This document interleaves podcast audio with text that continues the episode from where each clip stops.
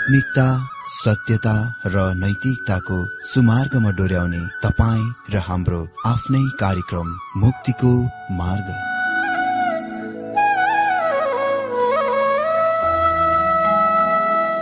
आदरणीय श्रोता यस मुक्तिको मार्ग कार्यक्रममा हार्दिक स्वागत छ। आशा छ यस आत्मिक कार्यक्रमद्वारा जीवनमा आत्मिक आशिष अलौकिक शान्ति र आनन्द प्राप्त गर्नुहुनेछ। र जीवनमा धन्य अनुभव गर्नुहुनेछ। आउनुहोस् श्रोता। मन र आत्माको तयारीको लागि यो मिठो अनि मधुर भजन गीत सुनौ।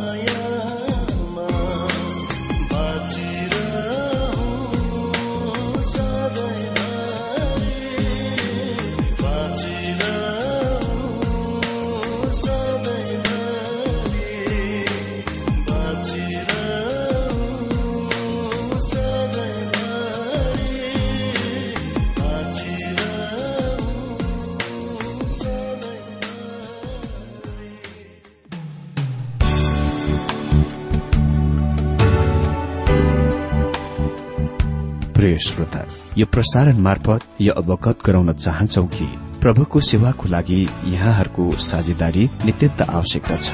यहाँहरूले प्रार्थनाको साथसाथै आर्थिक सहायता गर्न अनुरोध गर्दछौ। तपाईँहरूको सानो भन्दा सानो भेटी किन नहोस्? हामी प्रभुको नाममा स्वीकार गर्नेछौ प्रभुको सेवाको लागि। तपाईँहरूको यो सानो लगानीले कसैको जीवनमा भिन्नता ल्याउँछ अनि प्रभुको महिमा हुन्छ?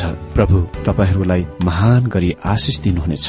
इच्छुक श्रोताहरूले तपाईँको इच्छा भेटी हाम्रो ठेगानामा पठाउन सक्नुहुन्छ जुन ठेगाना हामी कार्यक्रमको अन्तमा दिनेछौ।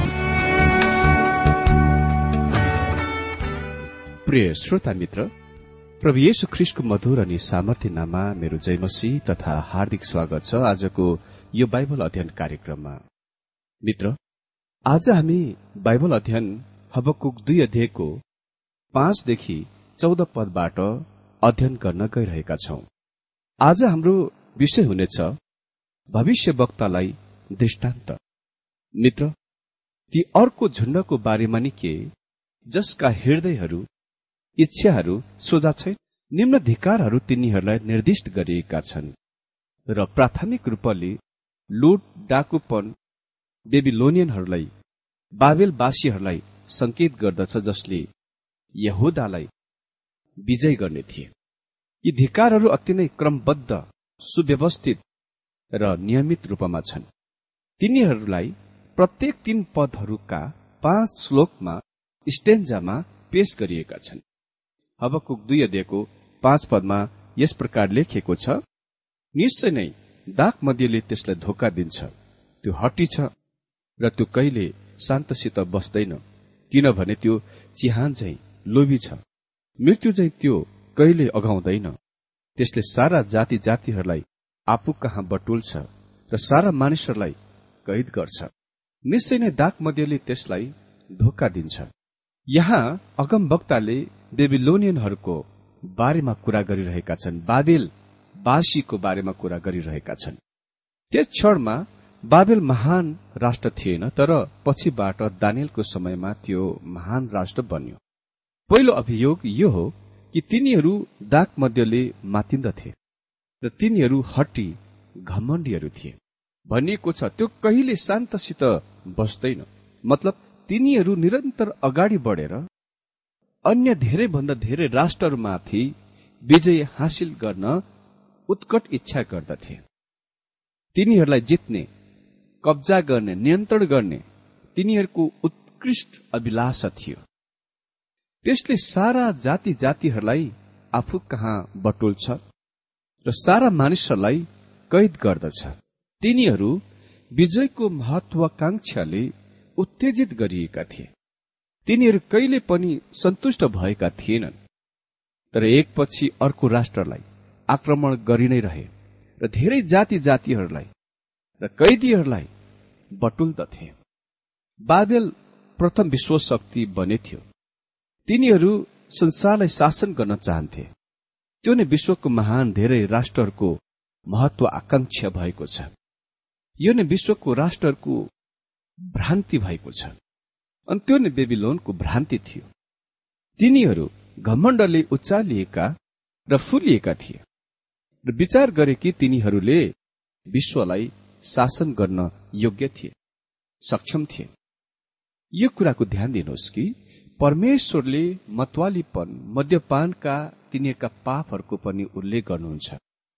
यो मामला विषय भविष्य वक्ताहरू का लेखाइहरूमा धेरैपल्ट धेरै समय आएका छन्। आमसमा योलमा नहोममा र अहिले हबकुकमा पनि। नहोमले यो स्पष्ट पार्दछन् कि मद्यपानले मतवालीपनले असुरीहरूलाई पतन गरायो। आमसले हामीलाई भन्दछन् कि यो नै मतवालीपन मध्यपानले परमेश्वरलाई उत्तरी राज्य इसरायललाई असुरी कैद वा बन्धुवामा पठाउन उत्प्रेरित गर्नुभयो। अहिले हबकुक भन्छन्।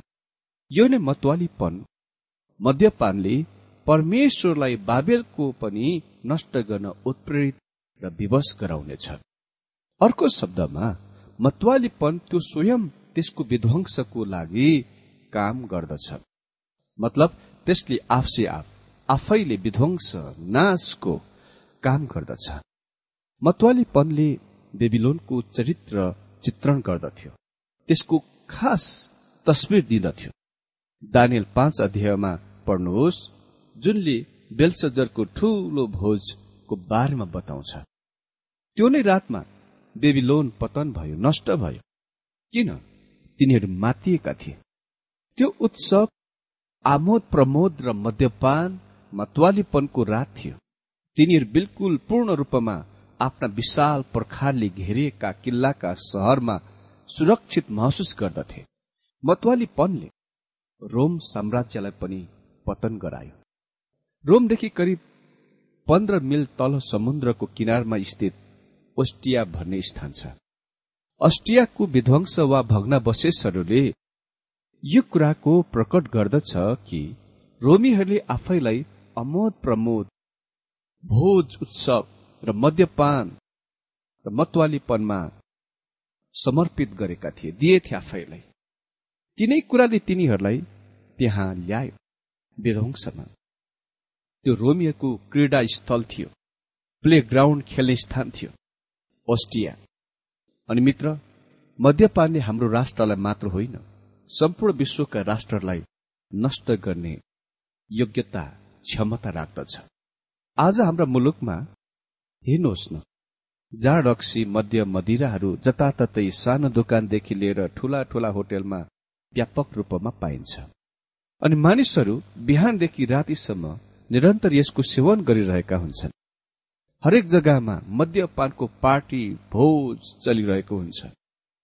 मद्यपान बेगर त आजकल त पार्टीको त हामी कल्पना पनि गर्न सक्दैनौ। मित्र यो मद्यपान हाम्रा मात्र होइन आज विश्वका धेरै राष्ट्रहरूको निम्ति अभिशाप भएको छ। यसले मानिसहरूका प्रत्येक क्षेत्रलाई प्रभावित गरेको छ नष्ट गरेको छ। यसले स्वास्थ्यको नष्ट गर्दछ। यसले आर्थिक नष्ट गर्दछ। यसले व्यक्ति विशेष र परिवार नष्ट गर्दछ। यसले समाजलाई असर गर्दछ। यसले मुलुकलाई नष्ट गर्दछ।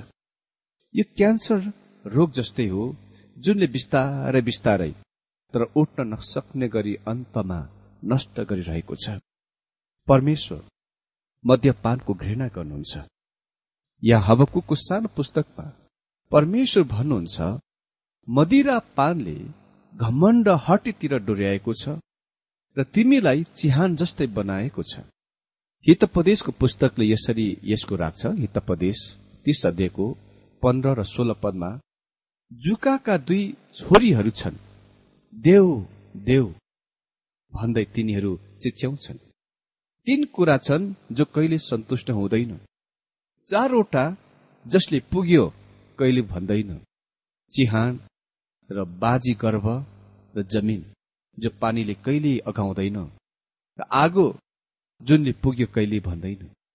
यहाँ उल्लेखित चिहान चाहिँ सियोल अघात खाँदो र यो सूचीमा पहिलो स्थानमा छ। हवकुकले उही अभिव्यक्त प्रयोग गर्दछ त्यो चिहान झै अर्थात् पताल जस्तै लोभी छ। अगाडि बढेर आफ्ना सिमानाहरू निरन्तर बढाउने काम जारी राखिरहेका छन् र कहिले पनि त्यो सन्तुष्ट हुँदैन। अहिले परमेश्वरले बेबिलोनमाथि पाँच धिक्कारहरूको बताउनुहुन्छ उच्चारण गर्नुहुन्छ घोषणा गर्नुहुन्छ। दुई अध्ययको छ पदमा लेखिएको छ के ती सबैले यसो भनेर त्यसको विरुद्धमा हाँसो र ठट्टा गर्दैन र चोरको माल थुपार्ने र जबरजस्ती खोसेर ल्याएका मालले धनी हुनेलाई धिक्कार। त्यसले कहिलेसम्म त्यसो गर्ने? पहिलो धिक्कार चाहिँ बेबिलोनको विरूद्ध भर्सना निन्दाको हितपदेश हो। किनभने तिनीहरूले जबरजस्ती ती चिजहरूको कब्जा गरिरहेका थिए। जुन तिनीहरूका थिएनन्। अर्को कुरा हामी देख्छौ कि ती सबैले यसो भनेर त्यसको विरोधमा हाँसो र ठट्टा गर्दैनन् र? यहाँ उल्लेखित ती सबैले चाहिँ ती राष्ट्रको संकेत गर्दछ जुनहरू बेबिलोनमा आक्रमणका शिकार भएका छन्? दोस्रो कुरा हामी देख्छौ चोरको माल थुपार्ने र जबरजस्ती खोसेर ल्याएका माले धनी हुनेहरूलाई धिक्कार। मित्र कुनै माल वा चिजहरू पैसाले किनेर थुपार्ने कुरा एउटा हो। तर कुनै माल वा चिजहरू जबरजस्तीद्वारा कब्जा गर्नु हडप्नु लिनु अर्को कुरा हो। परमेश्वरले यस राष्ट्रको विरूद्ध त्यसको अझ धेरै कुराहरूको मालहरूको अभिलाषा र उत्कृष्ट इच्छाको लागि र ती कुराहरू लैजाने जुन त्यसको आफ्नो कति पनि होइन त्यस लुटमारको लागि धिक्कारको घोषणा गरिरहनु भएको छ। देख्नुभयो परमेश्वरको इच्छा यो छ कि हरेक मानिसले आफ्नै परिश्रम र पसिनाको कमाईले जीवन निर्वाह गरेको। बेबिलोन कसैले तिनीहरूको निम्ति काम गरेको चाहँदथ्यो अनि त्यसपछि तिनीहरूले जबरजस्ती त्यसको हडप्थ्यो लैजान्थ्यो। त्यो पहिलो धिक्कार हो। परमेश्वरले त्यसको लागि त्यसलाई दण्ड दिन गइरहनु भएको छ। र उहाँ त्यसो गर्ने काममा धर्मी र न्याय हुनुहुन्छ। सात पदमा लेखिएको छ के तेरा कर्जदारहरू एक्कासी उठ्ने छैनन् र? तिनीहरू ब्युजेर तलाई थर्कमान बनाउँदैनन् र? अब त तिनीहरूको शिकार हुनेछस्। के तेरा कर्जदारहरू एक्कासी उठ्दैनन् र? मित्र यो यस तथ्यको सिद्धान्त हो। मानिसले जे रोप्छ त्यसैको कटर्नै पर्ने गर्नेछ। परमेश्वर भनिरहनु भएको छ। तैले कसैबाट त्यसलाई आक्रमण गरेर कब्जा गरिस लिइस र कसैले तबाट त्यसलाई फेरि लैजानेछ। वास्तविकता यो हो कि जब मादी फारस महान राष्ट्र बन्यो तिनीहरूले बाबेललाई कब्जा गरे लिए। बाबेलको सहरमा भएर बहने इफ्रतास नदी रातमा काटियो र पानीलाई अर्को नहर जलमार्गतिर ढल्काइयो। र सहरभित्र भएर भने नदीलाई सुक्खा गरियो। अनि मादी सेनापति ग्रोबायासले आफ्ना सैनिकहरूलाई त्यस सुक्खा नदीको बाटो भएर सहरभित्र अगुवाई गरेर अचानक आकाशमा धावा बोले र यसलाई कब्जा गरे। आठ पदमा भनिएको छ तैले जाति जातिहरूलाई लुटेको छस् त्यसकारण बाँचेका मानिसहरूले तँलाई लुट्नेछन्। किनकि तैले मानिसको रगत बगाइस र तैले देशहरू र सहरहरू र तिनमा रहने सबैलाई सर्वनाश गरिस्। मानिस रक्त प्यासी छ र मानिस लालची छ। अनि यही नै त्यो बाबेलको कथा थियो तस्विर थियो। अनि दोस्रो धिकार चाहिँ तिनीहरूको लोभ लालचको लागि धिक्कार नौदेखि एघार पदमा भनिएको छ। धिक्कार त्यसलाई जसले अन्यबाट कमाएको लाभबाट आफ्नो राज्य बनाउँछ ताकि उसको गुण उच्च ठाउँमा बनाई ऊ विध्वंसबाट बचोस्। तैले धेरै मानिसहरूका सर्वनाशको निम्ति षड्यन्त्र रचेको छस्। तैले आफ्नै घरलाई लाजमा डुबाएर आफ्नो जीवन गुमाइस्। पर्खालका भित्तादेखि ढुङ्गाहरूले दुहाई दिनेछन् र काठका दलिनहरूले त्यसको प्रतिध्वनि गर्नेछन्। मित्र लोभ लालच मतवालीपन वा मद्यपानको अतिरिक्त बेबिलोनको पाप थियो। तिनीहरूका लोभ लालच। अनि तिनीहरूका लोभ लालच चाहिँ खराब दुष्ट प्रकारको लोभ लालच थियो। तिनीहरू ती कुराहरू चाहन्थे जो तिनीहरूका थिएनन्। परमेश्वरले हामीलाई हाम्रा छिमेकीका सम्पत्तिहरू वा कुनै पनि कुराहरूको वा उसको पत्नीको लोभ लालच गर्नु हुँदैन भन्नुहुन्छ। भनिएको छ ताकि उसको गुण उच्च ठाउँमा बनाई विध्वंसबाट बनोस् वा विध्वंसबाट बचोस्। यो चाहिँ बेबिलोनलाई चिलसँग बराबरी वा समानता गरिने कुरा हो। जसले महसुस गर्दछ विचार गर्दछ कि उसका गुणहरू बिल्कुल पूर्ण रूपमा दुर्जय वा सजिलै जित्न नसकिने कुरा हो। अनि भनिएको छ अर्को कुरो तैले आफ्नो घरलाई लाजमा डुबाएर आफ्नो जीवन गुमाइस्। बेबिलोनले परमेश्वरको दण्ड आफैमाथि त्यसको लोभ लालच र त्यसको रक्तपातद्वारा ल्याएथ्यो पर्खालका भित्ताहरूदेखि ढुङ्गाहरूले दुहाई दिनेछन् चितकार छोड्नेछन्। यसको ठिक विपरीत धार्मिक शासकहरूले ती झुण्ड वा भीड़हरूलाई चुप गराउन कोसिस गरेथे जो उहाँको निम्ति होसना होसना हाले लुया गीत गाइरहेका थिए। उहाँले भन्नुभयो प्रभुले लुका उन्नाइसको चालिस पदमा म तिमीहरूलाई भन्दछु यिनीहरू चुप लागे भने ढुङ्गाहरू नै कराउनेछन्। अनि तेस्रो धिकालले राख्नुपर्ने सरोकार चाहिँ हत्या लुट र उपद्रवसँग छ। बाह्र पदमा लेखिएको छ धिक्कार त्यसलाई जसले रक्तपातले सहर निर्माण गर्दछ र अधर्मद्वारा नगर स्थापित गर्दछ। मित्र यो विध्वंसको विधिले बाबेललाई वा बेबिलोनलाई निर्माण गर्यो। तिनीहरू युद्ध लडाईँद्वारा धनी बने। मेरो मित्र यदि तपाईँ उभेर पछाडि मानिसको इतिहासतिर हेर्नुहुन्छ भने तपाईँ यस निष्कर्षमा आउनुहुन्छ कि उनी पागल प्रकारका मानिस हुनै पर्छ जुन तरिकामा यो पृथ्वीमा रहेथे जिउँदथे। अनि वास्तवमा उनी पागल हुन्। पापूर्ण स्वभावका पागल ताकि उसले आफ्नो मार्गको पनि निर्देशन दिन सक्दैनन्। उसले सोच्दछ कि उसले जे गर्छ त्यही सही छ।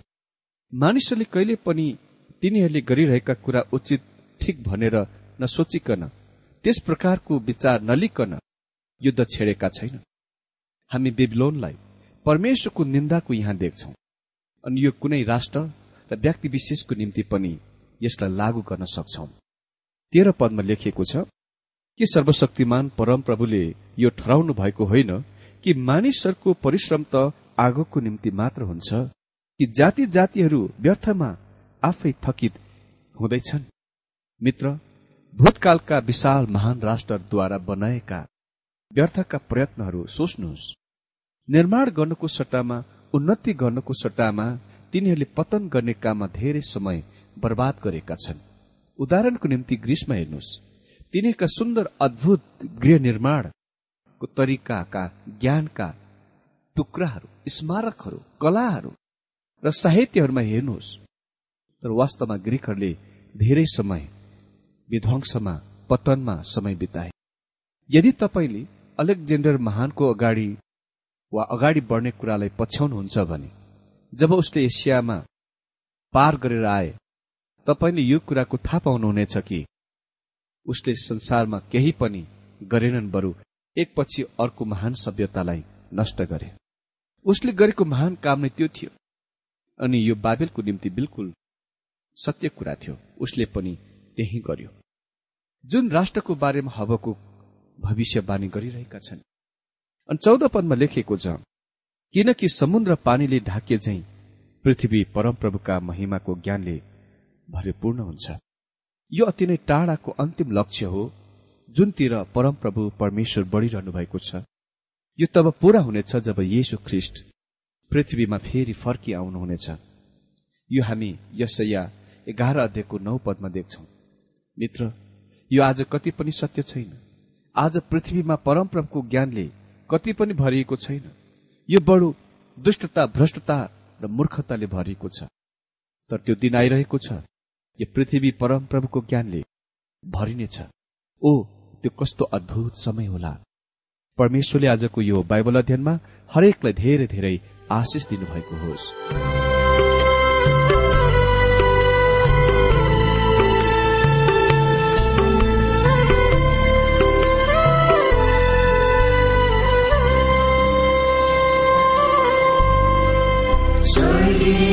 पिता हामी प्रेम गर्छौँ।